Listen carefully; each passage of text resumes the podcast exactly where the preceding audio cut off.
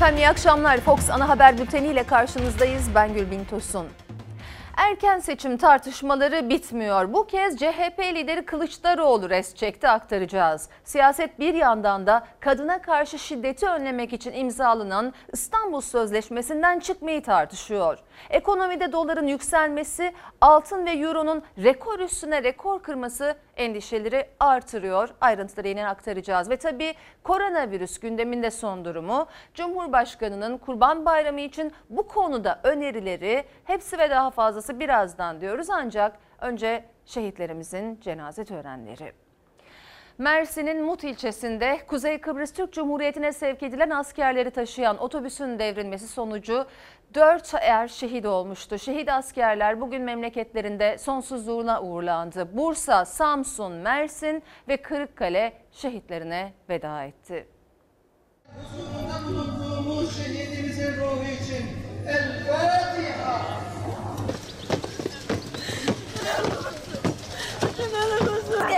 Askerlik benim Askerlik kınalı kuzularını bir ay önce dualarla askere uğurlamışlardı. O yiğitler baba ocaklarına askerden al bayraklı tabutla döndüler. Son yolculuklarına da yine dualar eşlik etti. Mersin'deki otobüs kazasında şehit düşen dört Mehmetçik memleketlerinde toprağa verildi. Haklarınızı helal ediniz. Helal ediniz. Manisa'dan Kuzey Kıbrıs Türk Cumhuriyeti'ne sevk edilen askerleri taşıyan otobüs pazartesi sabahı Mersin'in Mut ilçesi yakınlarında şarampole yuvarlandı. 27 askerin yaralandığı, iki şoförün de hayatını kaybettiği elim kazada 4 ulaştırma er şehit oldu. 21 yaşındaki şehit er Samet Çaldır için Bursa'da cenaze töreni düzenlendi. İki aylık hamile eşi Elif Çaldır tören boyunca şehidin tişörtüne sarılarak güç bulmaya çalıştı. Şehidimizin şefaatine nail eylesin inşallah. Şehit Ercaner Mayendağ 25 yaşındaydı. Şehidin Türk bayrağına sarılı naaşı Samsun'un ilk adım ilçesindeki baba evinin önüne getirilerek helallik alındı. Şehit daha sonra Büyük Cami'de kılınan cenaze namazının ardından Kranköy mezarlığına defnedildi. Şehit Er Mustafa Dağlı da Mersin Tarsusluydu. Anne Raziye Dağlı şehit oğluyla en son yola çıktıkları akşam konuşmuştu. Her gün akşam arıyordu akşam.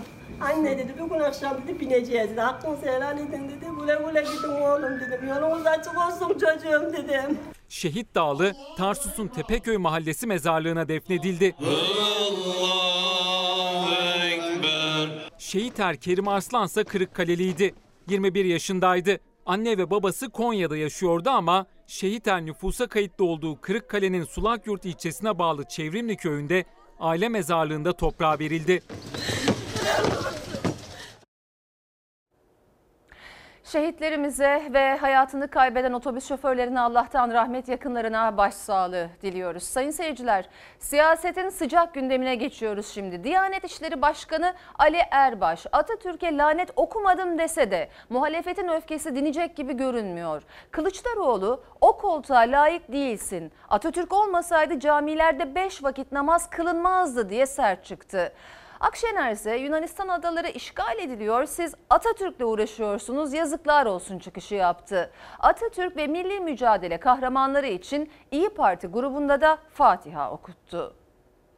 Tarihi bilmeden kinle öfkeyle belli koltuklara oturursanız kendi tarihinizi reddedip yabancıların size dayattığı tarihi gerçek tarihmiş gibi öğrenir ve bunu bulunduğunuz koltukta ifade ederseniz o koltuğa layık değilsiniz. O koltuğu kirletiyorsunuz. Vakfedenin şartı vazgeçilmezdir. Çiğneyen lanete uğrar. Utanmadan Ayasofya'yı düşmandan kurtaran ecdada saygısızlık ederken 16 Türk adasından Yunan bayrakları dalgalanmaya devam ediyor.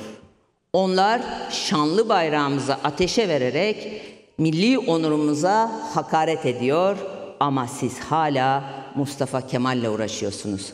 Yazıklar olsun size, yazıklar olsun. Burada Atatürk'e bir dil uzatılması söz konusu değil, buna biz müsaade etmeyiz. Muhalefet Diyanet İşleri Başkanı Ali Erbaş'ın Ayasofya'da Cuma hutbesinde Atatürk'e hakaret etti tepkisini üst perdeden sürdürürken günler sonra Beştepe'den de Atatürk'e hakaret edilmedi açıklaması geldi. Ama bu tepkileri dindirmedi. Mustafa Kemal Atatürk ve arkadaşları olmasaydı bugün o camilerin hiçbirisinde beş vakit ezan okunmazdı.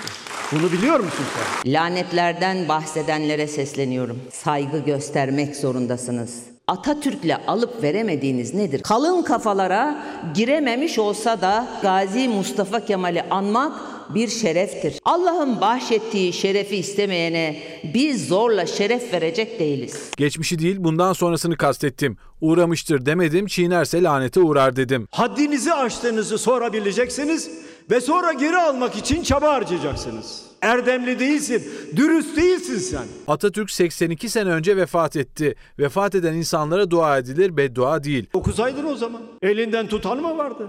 Ağzını kapatan mı vardı? İktidarın ve saray bürokratlarının lanet okuduğu o aziz kahramanlarımızın ruhuna Fatiha hediye edelim. El Fatiha. Akşener Atatürk için Ayasofya'da okunması gerekirdi dediği Fatiha'yı grup toplantısında okuttu. Cumhurbaşkanı ise hakaret edildi, lanet okundu tartışmalarına hiç girmiyor. Ancak Ayasofya özelinde kabine toplantısı sonrası kurduğu cümleler dikkat çekiciydi. Türkiye bugün yeni bir diriliş mücadelesi veriyor. Camilerimiz bu ülkenin silüetinde ne kadar öne çıkıyorsa hedeflerimize o kadar yaklaşıyoruz demektir.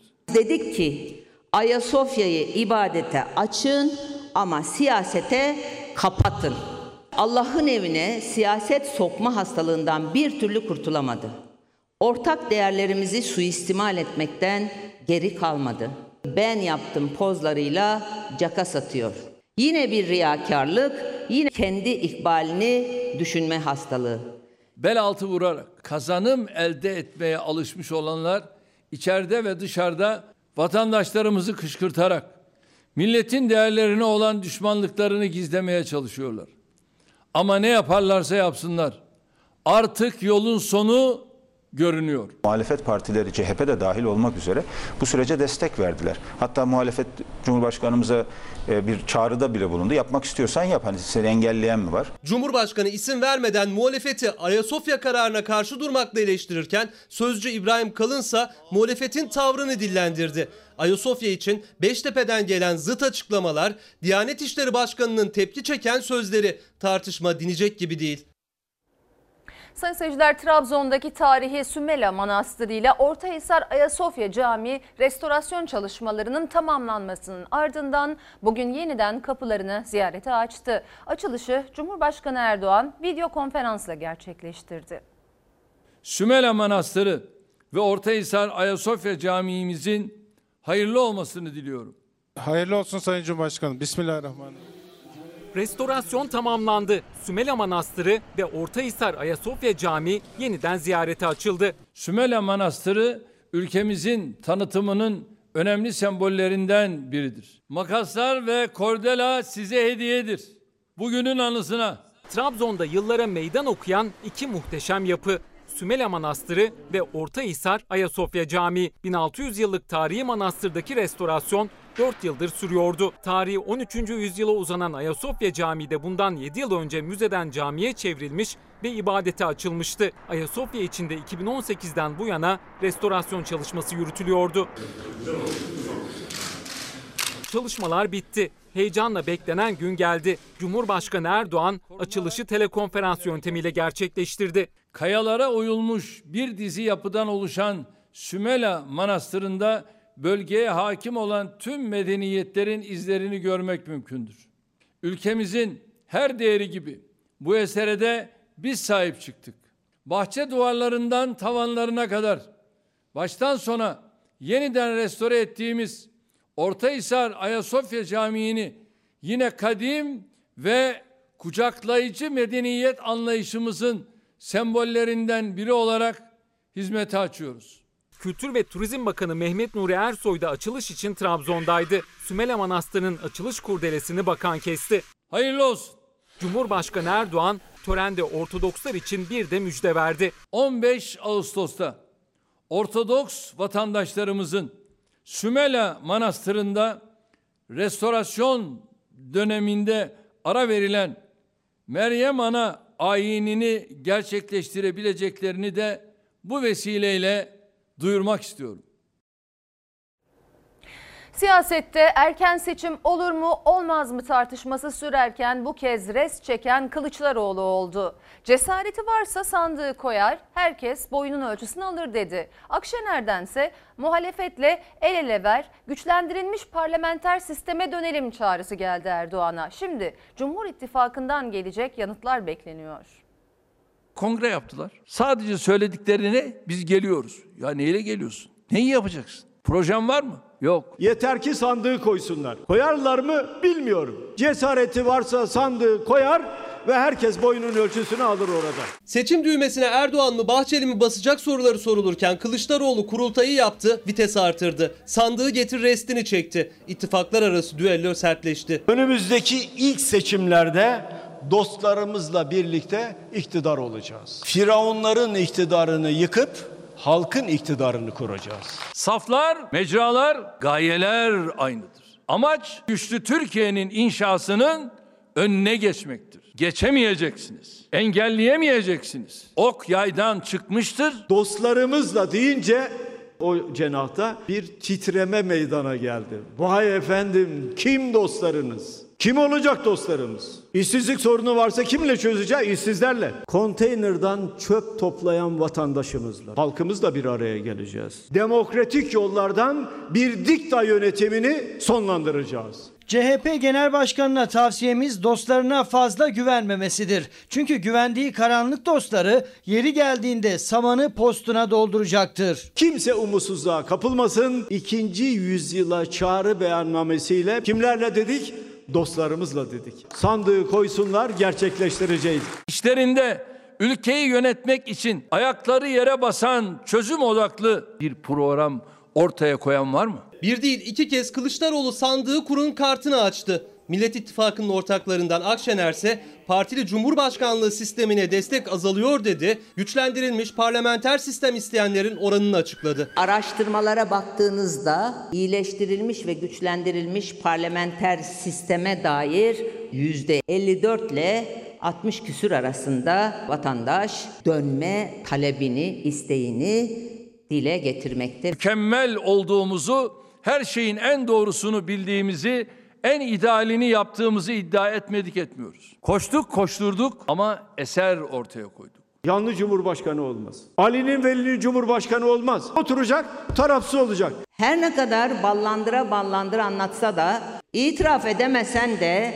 gel muhalefetle el ele ver ülkemizi içine soktuğunuz bu sistem krizinden birlikte çıkaralım. Kürt sorunu 40 yıldır neden çözülmez? Bayrağımız evet, vatanımız evet, birliğimiz evet. Türkiye'nin bağımsızlığı çerçevesinde çözeceğime söz veriyorum. CHP'nin iktidar yürüyüşünü ilan eden Kılıçdaroğlu suçluların telaşı içindedir. Artık teröristler yoldaş, bölücüler candaş, Türkiye düşmanları kandaş mertebesine gelmiştir. Tüm terör örgütleriyle mücadele etmek bizim görevimiz olacaktır. Yeraltı mafyasıyla mücadeleyi pek ağızlarına getirmezler. Neden siyasi parti liderleri yeraltı dünyasının elemanlarıyla gidip hapishanelerde görüşüyorlar?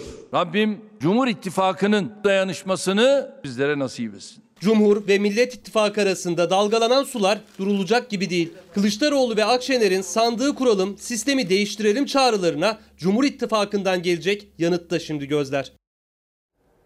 Kadına karşı şiddeti önlemek için imzalanan İstanbul Sözleşmesi üzerindeki tartışma da devam ediyor. AK Parti Genel Başkan Vekili Numan Kurtulmuş, sözleşmeden çekilebiliriz dediğinden beri kadın örgütleri, muhalefet tepkili. İyi Parti lideri Meral Akşener iktidara OECD ülkeleri arasında kadına şiddet sıralamasında Türkiye'nin ilk sırada olduğunu hatırlattı. Bir kez daha sözleşmeden çekilmeyin dedi.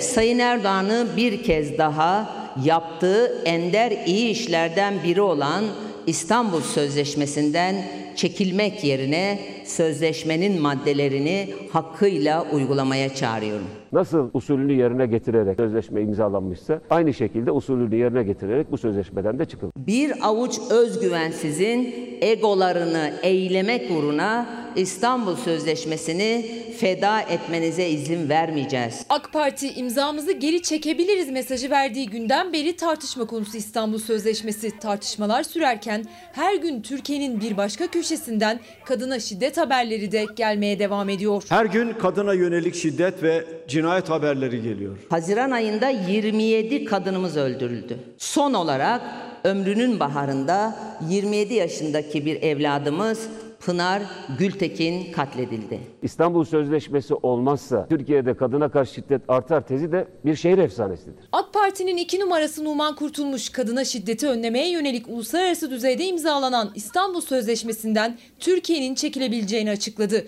İddiaya göre AK Parti kulislerinde sözleşmenin feshedileceği Cumhurbaşkanı'nın çok yakında açıklayacağı konuşuluyor. Muhalefetten en sert tepki ise İyi Parti'den geldi. Bu metnin içerisinde iki tane önemli husus var. Dikkat çekmemiz gereken ve bizimle asla uyuşmayan.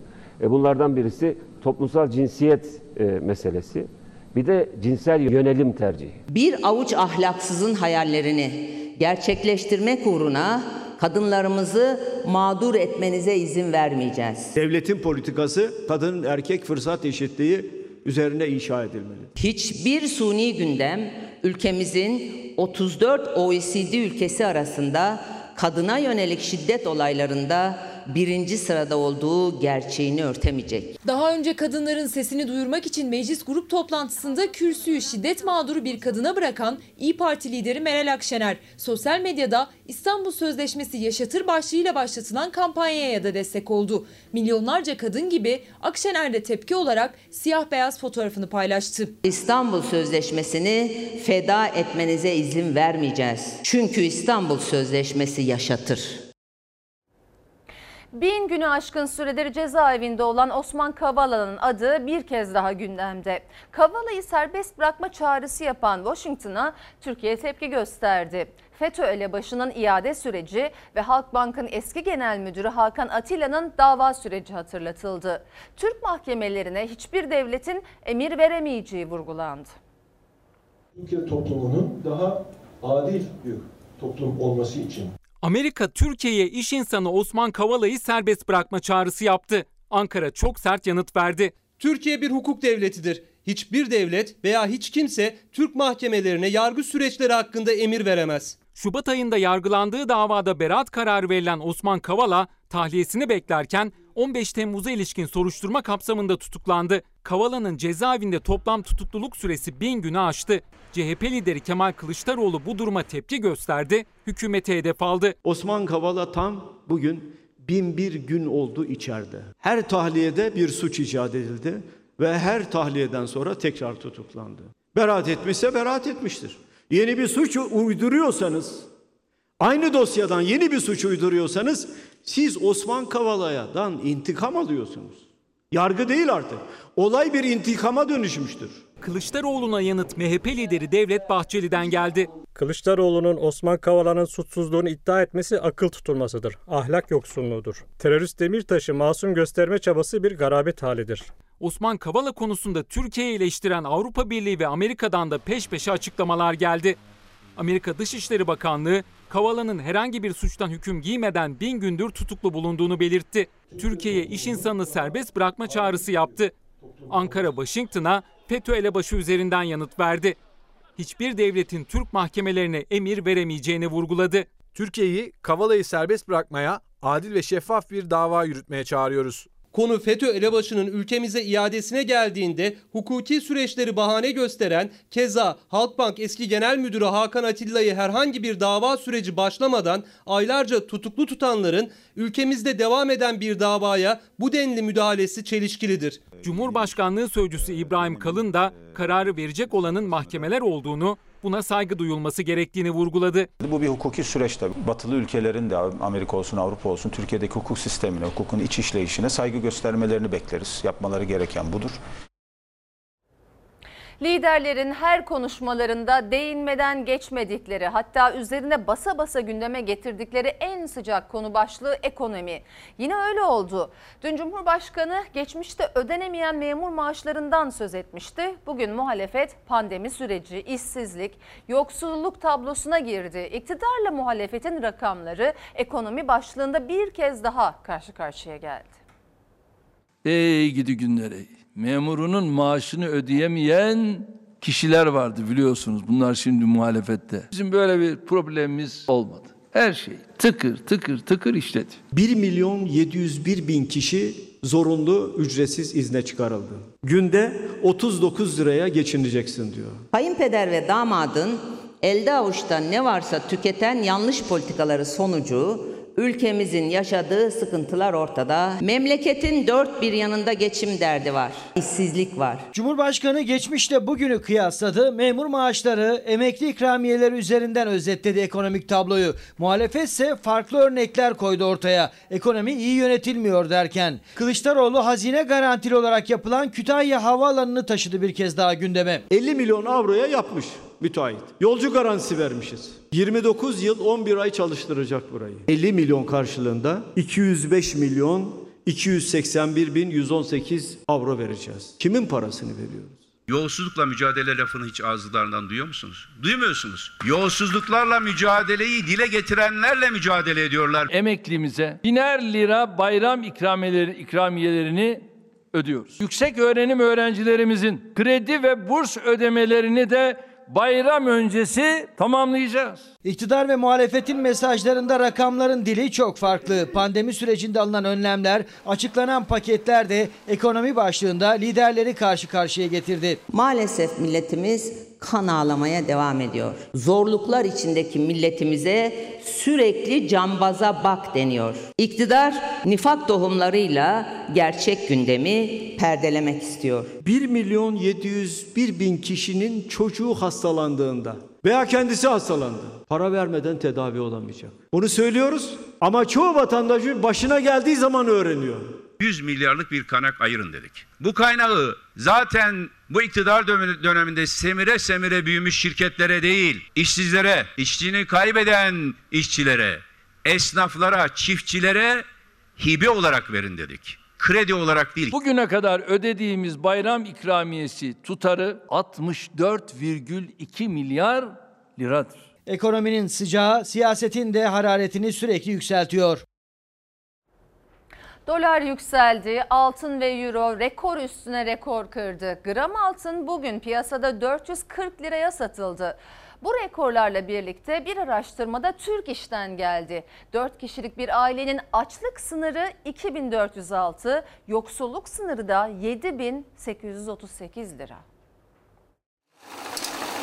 Bütün dünyada güvensizlik ortamının sonuçlarını yaşıyoruz. Yani ekonomilerin toparlanacağına olan güven, pandeminin e, biteceğine ve her şeyin normale döneceğine olan güvenin düşmeye başladığı bir dönemi yaşıyoruz. TÜİK verileri ekonomiye güvenin arttığını gösterirken ve o verileri Hazine Bakanı maşallahı var diye yorumlarken piyasalarda ve uzmanlarda tedirginlik var. Euro ve altın tarihi zirveye ulaştı. Dolar dün akşam ani bir yükselişle 7 liraya yaklaştı ve şu anda serbest piyasada 7 liranın da üzerinde işlem görüyor. Rekor üstüne rekor kıran Euro ise 8 lira 20 kuruşu aşarak tarihi bir zirveyi test etti. Kur yeni güne düşüşle başladı başladı. Öğle saatlerinde hareketlendi ve bu kurda gerçekleşen baş döndürücü hareketlilik bir yana altında yeni bir rekor kırdı. Gram altının fiyatı 436 lirayı gördü ve şu anda da serbest piyasada 440 liradan işlem görüyor. Türkiye'nin döviz rezervlerinin yetersizliğinin öne çıktığı ve dolayısıyla Türk lirasının değer kaybettiği dönemleri görüyoruz. Eğer bizim yeterli dövizimiz olsaydı o zaman bu tip ataklarda biz şu anda doların Türk lirası cinsinden değer kazandığını değil değer kaybettiğini görecektik. Bu rekorlar kırılmayacaktı. Asgari ücretin 3 çeyrek altına denk geldiği Türkiye'de rekor kıran döviz ve altın tüketiciye zam demek aslında. A'dan Z'ye her ürün etkilenecek artıştan. Uzmanların da dikkat çektiği enflasyon. Evet güven artıyor, toparlanıyor.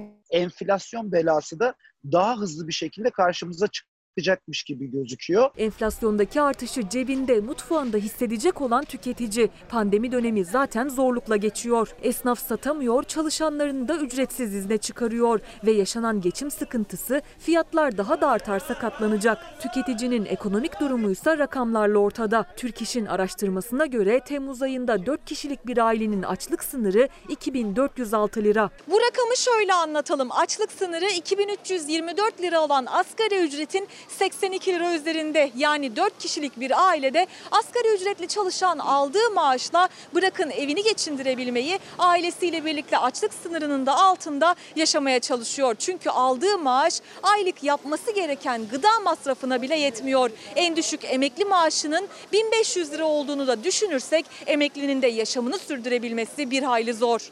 Aynı ailenin giyim, konut, ulaşım, eğitim, sağlık gibi zorunlu diğer ihtiyaçları için yapması gereken aylık harcama yani yoksulluk sınırı 7838 lira. Açlık sınırının üzerinde kalan 4500 liralık en düşük memur maaşı da yoksulluk sınırının altında. Çok büyük bir nüfustan bahsediyoruz. Ülkenin genelinde açlık ve yoksulluk sınırının altında yaşayan milyonlar varken maşallah demek için henüz erken. Yeni zam oranı ve 3. yılında yine 1000 lira olarak ödenen bayram ikramiyesi emeklileri mutlu etmeye yetmedi. Hem pazar, market enflasyonu hem de 65 yaş üstündekiler için devam eden koronavirüs yasakları emeklinin kurban bayramını sıkıntıyla karşılamasına neden oldu. Maalesef e, emeklilerimiz, yaşlılarımız e, bir bayrama daha buruk ve sıkıntılı giriyor. Bayram sıkıntılı. Ufak tefek bir alışveriş yapıyoruz işte bütçemize göre. Öğlen sıcak da işte cep boş. Cep boş. iş yok. Gezmek değil, kendine göre iş bakmak için dışarıda. Ekonomik olarak zorlanıyor çünkü.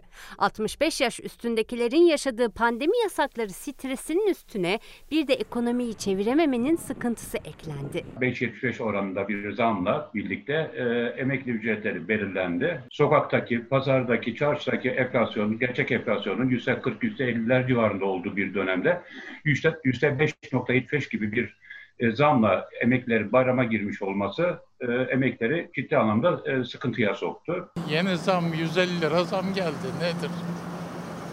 Peynirin kilosu 40 lira, zeytinin kilosu 35 lira, kaşar 60 lira, 50 lira. Yeter mi bin lira yani bayramda şimdi? şimdi? Hiç yoktan Allah çok sağ olsunlar yine bir şey yaptılar.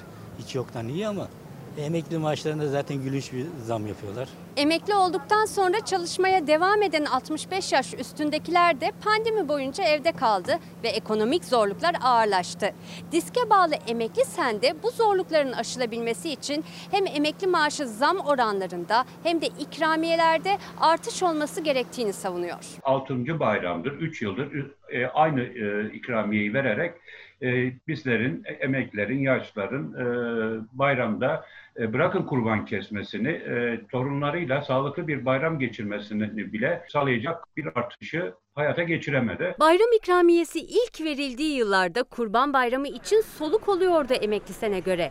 Ancak yıllarla birlikte ekonomik şartlar da değişti. O dönemde 1000 TL ile bir kurban kesme şansına sahipti emeklilerimiz. Ancak e, bugün geldiğimiz noktada e, en ucuz e, kurban ücreti 2000 TL ve üstünde. Hep 65 yaş üstünden kaynaklanıyormuş gibi davranıyorlar. Halbuki en dikkat eden kişiler, olgun kişiler, yaşlı kişiler. Özellikle 65 yaşı üstündekileri ilgilendiren bir diğer konuysa yasaklar. Salgının en tehlikeli günlerinde evde kalan 65 yaş üstünün sokak izni saat 20'de bitiyor. Öğle sıcağında sokakta olanların çoğu akşam işten dönen evlatlarıyla aynı evde yine koronavirüs tehdidi altına giriyor. Emekli sene göre bu açıdan bakıldığında alınan önlemler 65 yaş üstünün sağlığını korumak adına da yeterli faydayı sağlayamıyor. Bundan sonraki gerek gençlerimizin gerek bizlerin e, yaşamı açısından da son derece çalışma hayatı açısından da son derece olumsuz bir süreç. Kurban Bayramı'na sayılı günler kaldı. Kurbanlıklar çadırlarda alıcısını bekliyor ama koronavirüs satışları da etkiledi. Satıcılar kurbanlık bakmaya gelen müşteriler e, var diyor ancak alışveriş yok diye ders yanıyor. 25'te işi bitirelim tamam abi. 25 Hayırlı olsun. Hayırlı olsun diye. Teşekkür ederiz sağ olun. Ee, siz tek başınıza mı aldınız? Yok 7 ortağız. 7 ortak. 25 bin lira ödediniz. Evet. Normalde tek e, alma gücünüz olur muydu? O kadar yok. Nerede böyle bir şey? İstanbul'da bir kurban pazarındayız. Pazarlar hareketli. Pazarlıklarsa sıkı. Fiyatlarsa geçen seneye göre zamlı. 26 buçuk. 23,5. Kurban pazarlarında hareketlilik var ancak bu alışverişe henüz yansımadı. Bu yıl kurban pazarlarında geçmiş senelerden alışık olduğumuz manzaralar yerine çubuklu pazarlık, fiziksel mesafe ve maske tedbirleri devrede. Bu seneki pazarlık usulünü dokunma yok. Ama biz genel olarak, kültür olarak ne yazık ki dokunmaya çok alışık olduğumuz için pazarlık bir çubuğu oluşturduk. Her ucunda iki tane ameliyat eldivanı takıyoruz. Vatandaşlarla çadırcımızın arasındaki üreticimizin arasındaki pazarlık usulünü o tarzda tamamlamış oluyoruz. Sadece pazardaki tedbirlerle değil, salgının etkisi fiyatlarda da kendini belli ediyor. Bu yılki kurban fiyatlarında geçen seneye göre 2-3 bin liralık artış var. Tabii ilk başlarda fiyatlar da çok yüksekti ama e, son 3 günümüze 4 günümüze girdiğimiz için fiyatlarda biraz düşüşler oldu. Emekli maaşıyla bu ikramiye kurban alınmaz yani. Baktığınız zaman bir hayvan 15, 12, 11 o civarlarda gidiyor şu anda.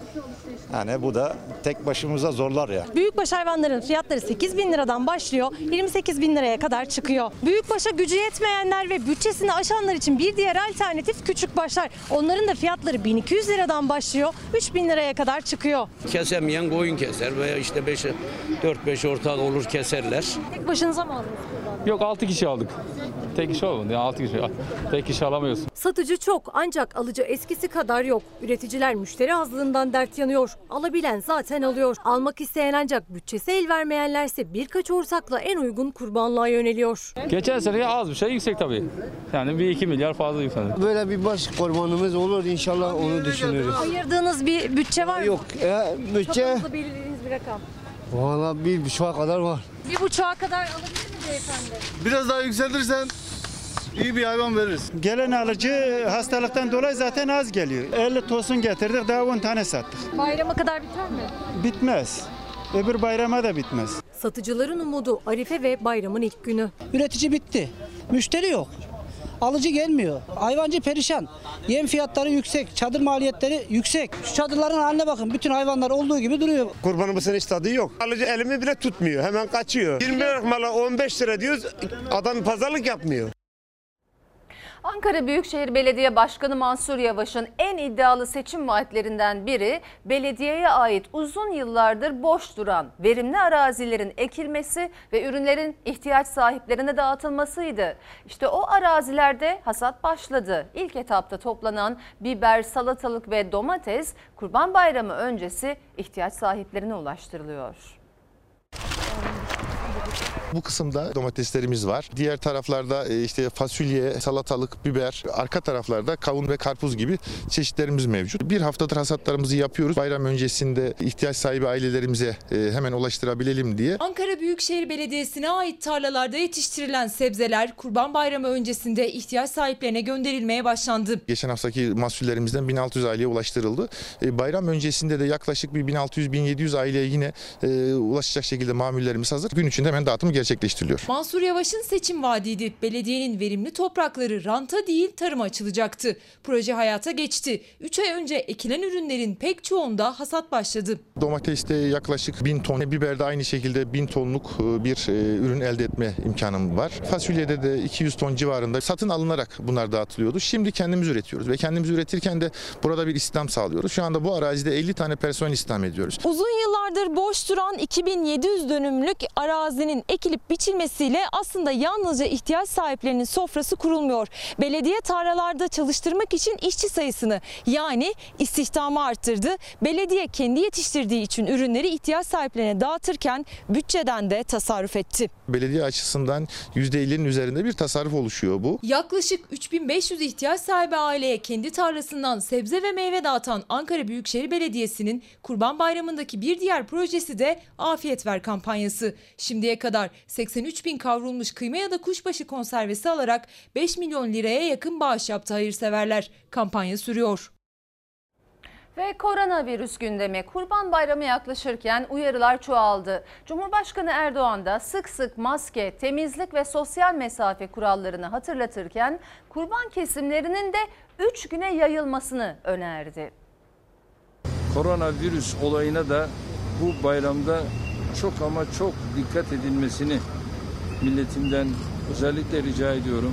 Özellikle temizlik, maske, mesafe bu konuya çok dikkat edeceğiz ve bu şekilde de biz limiti iyice aşağıya çekmemiz lazım ki şu beladan kurtulalım. Bayram öncesi mezarlık ziyaretinde koronavirüs uyarısında bulundu Cumhurbaşkanı Erdoğan. Limiti aşağı çekmemiz lazım dedi çünkü rakamlar bin sınırında. 900'ün altına inmiyor. Temizlik, maske ve sosyal mesafe kurallarını hatırlattı Cumhurbaşkanı. Bir gün öncesinde de yine Kurban Bayramı için uyarıları vardı. Koronavirüs salgınının devam ettiği şu günlerde gerek kurban keserken gerek bayramlaşırken tamam diye ifade ettiğimiz temizlik, maske, mesafe kurallarından asla taviz vermeyelim. Maske takılmasının gerekli olduğunu söyledik ve bunun üzerine arkadaş bize e, saldırmaya başladı. Cumhurbaşkanı Erdoğan maskeden taviz vermedi, vermeyin dedi ama maskenin önemini anlamayanlar var. Kocaeli'nde bir iş yeri sahibi müşterilerine maske uyarısı yapınca feci şekilde dayak yedi. Saldırdığı zaman zaten olay görüldüğü gibi şu anda e, kaşımda iki tane dikiş var, dudağımda iki tane dikiş var. İşte o duyarsızlar hatta başka canlara kastedenler nedeniyle beklenen iyileşme bir türlü görünmüyor. 27 Temmuz tablosuna göre bir günde koronavirüse yakalananların sayısı 919 oldu. 17 kişi virüs yüzünden hayatını kaybetti. Salgın devam ederken yaklaşan Kurban Bayramı için herhangi bir kısıtlamaya gidilmedi ama Cumhurbaşkanı Erdoğan kurban kesimlerinin bayrama yayılmasını önerdi. Kurban kesim yerlerinde yoğunluk oluşmaması için bayramın ikinci ve üçüncü günlerinin de değerlendirilmesini tavsiye ediyoruz. Kurban Bayramı ile ilgili uyarılar Bilim Kurulu'ndan da geldi. Bilim Kurulu üyesi Profesör Doktor Tevfik Özlü her 10 bin kişiden 25 kişinin virüsü taşıdığını duyurdu. Kurban Bayramı ziyaretlerinde kurallara uymaya çağırdı çünkü kurallara uymak virüsten koruyor. Bir kişiyle temas ettiğimizde onun son 10 günde temas ettiği binlerce kişiyle de temas etmiş oluyoruz. Sahil ve plajlarda, kalabalık sokaklarda, park ve bahçelerde, hayvan pazarlarında, toplu taşımada, kurban kesim yerlerinde, cuma ve bayram namazlarında, tatil beldelerinde, turistik tesislerde, bayram ziyaretlerinde bunu unutmayalım. Karşımızda bir değil binlerce kişi var. Profesör Tevfik Özlü maske, mesafe ve hijyen kurallarına uyulmasıyla bulaşma riskinin %100'e yakın önlenebileceğinin altını da çizdi. Dünya genelinde işler iyiye gitmiyor. Covid-19 salgınında Avrupa ikinci dalgayla karşı karşıya. Bazı ülkeler önlemleri sıklaştırırken seyahat kısıtlamaları yeniden gündemde. Salgının merkezi Amerika Birleşik Devletleri'nde ise aşı çalışmalarında çok önemli mesafe kat edildi. Kat edildi. Geliştirilen bir aşı için son testler başlarken Başkan Trump ikinci bir aşıda daha son testlerin birkaç gün içinde başlayacağını duyurdu. Und jetzt ganz ruhig bleiben. Covid-19'da ikinci dalga kapıya dayandı. Avrupa gevşetilen önlemleri sıklaştırmaya başladı. Aşı için en kritik adım atıldı. 30 bin gönüllü üzerinde test aşamasına geçildi. Başlangıç noktası Çin olan ve kısa sürede dünyayı saran salgında virüsün yayılımı sürüyor. Dünya genelinde Covid-19 tespit edilenlerin sayısı 16 milyon 750 bine ulaşmak üzere. Salgında 660 bine yakın kişi de hayatını kaybetti. Covid-19'un en çok etkilediği ülke Amerika Birleşik Devletleri. Son 24 saatte 659 kişi daha hayatını kaybetti. Ülkede can kaybı 150 bini aştı. Amerika'da virüs bulaşan kişi sayısı ise bir günde 61.534 arttı. 4 milyon 435 bin 113 oldu. Amerika'da durumun kötüleştiği Florida'da Covid-19'a yakalanan çocukların oranı %34 artış gösterdi. Hastaneye kaldırılan çocuk oranı ise son 8 günde %23 arttı. Son verilerin ardından eyalette okulların sonbaharda açılmasına yönelik tartışmalar daha da alevlendi. Avrupa'da ise ikinci dalga endişesi büyüyor. İkinci dalganın başladığı belirtilen Belçika, Mayıs ayında gevşettiği önlemleri sıkılaştırma kararı aldı. Aile ziyareti, sosyal iletişimde bulunulacak kişi sayısı ve kitlesel etkinliklere katılma sınırlandırıldı. İngiltere Başbakanı Johnson bazı ülkelerdeki artışları ikinci dalganın işareti olarak yorumladı. İspanya'ya seyahat uyarısı kararını savundu. Avrupa ülkelerine ikinci dalganın önlenmesi konusunda net olmaları uyarısını yaptı. İkinci dalganın etkisindeki İran'da son 24 saatte 235 kişi daha öldü. Toplam can kaybı 16.147'ye yükseldi. 2667 kişi de virüs tespit edildi. Bu 8 Haziran'dan sonra kaydedilen en yüksek rakam oldu. Dünyada günlük vaka rekorları kırılırken aşı konusunda önemli bir aşamaya geçildi. Aşı çalışmalarını yürüten Amerikalı bir şirket son test aşamasının başladığını duyurdu. Geliştirilen aşı 30 bin gönüllü üzerinde test edilecek. Amerikalı yetkililer ve şirket yetkilileri aşının yıl sonuna kadar yaygın kullanıma hazır hale gelebileceğini açıkladı. Ulusal Güvenlik Danışmanı'nda virüs tespit edilen Başkan Trump bir kez daha maske takıp kamera önüne çıktı. Trump, ülkede geliştirilen ikinci bir aşı içinde birkaç güne kadar son denemelere geçileceğini söyledi. Kanal İstanbul'a kıyısı olan köylerin akıbeti ne olacak? İmar planına göre yok olacak Yeniköy'ü dün ekrana getirmiştik. Bakanlığa itiraz etmişlerdi. İtiraz seslerinin yükseldiği bir başka köy ise Sazlıbosna. Çünkü Yenişehir imar planına göre tapulu araziler kamu alanı olarak görülüyor. Şu an var olan kamu arazileri ise imara açıldı. Yani bir köy ters yüz oldu. 38, 39, 40, 41. Yani ekranda göründüğü gibi 55 metrelik yol altında. 40 41 de mi sizin de? Evet. Maşallah. O da yolda Yani o da yolda. 3 gündür parsel sorguluyorum ve itiraz dilekçeleri yazdırıyoruz. Hangi parsele elime atsam ya yol ya park ya okul alanı. Peki bunun sahibi kim? Zemin artı 14 kat. Zemin artı 14 katlıların, meraların sahibi devlet ve şu an Çevre Şehircilik Bakanlığı'nda. Kanal İstanbul'a kıyısı olacak köylülerin tapulu arazileri kamu alanı oldu. Var olan kamu alanları ise 15 katlı binalar için imara açıldı. Köylüler Çevre ve Şehircilik Bakanlığı'nı itiraz yağmuruna tuttu. Akıllarındaki en büyük soru işaretiyle kendi tapulu alanları dışında oluşturulan imar rantı kim ya da kimler için? Bakın yol. Sizin de yol. Evet bakın. Sizin efendim? Aynı aynı efendim bizim de aynı yol. Sizin? Aynı kardeşim aynı. Benim evim komple. Buradan yol geçiyor. 10 metrelik yol geçiyor. 10 metreli şeye açmış e, imara benim evimi komple yol yapıyor. İncelediğim zaman baktığımda mühendislik harikası. İstanbul'un kuzeyindeki köylere doğru giderken kullanılan yol burası. Sağda solu da ayçiçek tarlaları, yeşillik alanlar. Kanal İstanbul hayata geçerse güzergahta kalacak bu alan için işte bu yollar metrelerce genişleyecek. Yenişehir imar planında da kamulaştırma sürpriziyle karşı karşıya kalan köylerden biri de Sazlıbosna köyü. Biz Tatar asıllıyız, Kırım göçmeniyiz. 1862 yılında dedelerimiz Kırım'dan sürgün edilerek Sultan Abdülaziz zamanında buraya iskan edildi. Yani 158 senedir biz bu topraklardayız. 21 farklı parsel için sorgulama yaptırdım.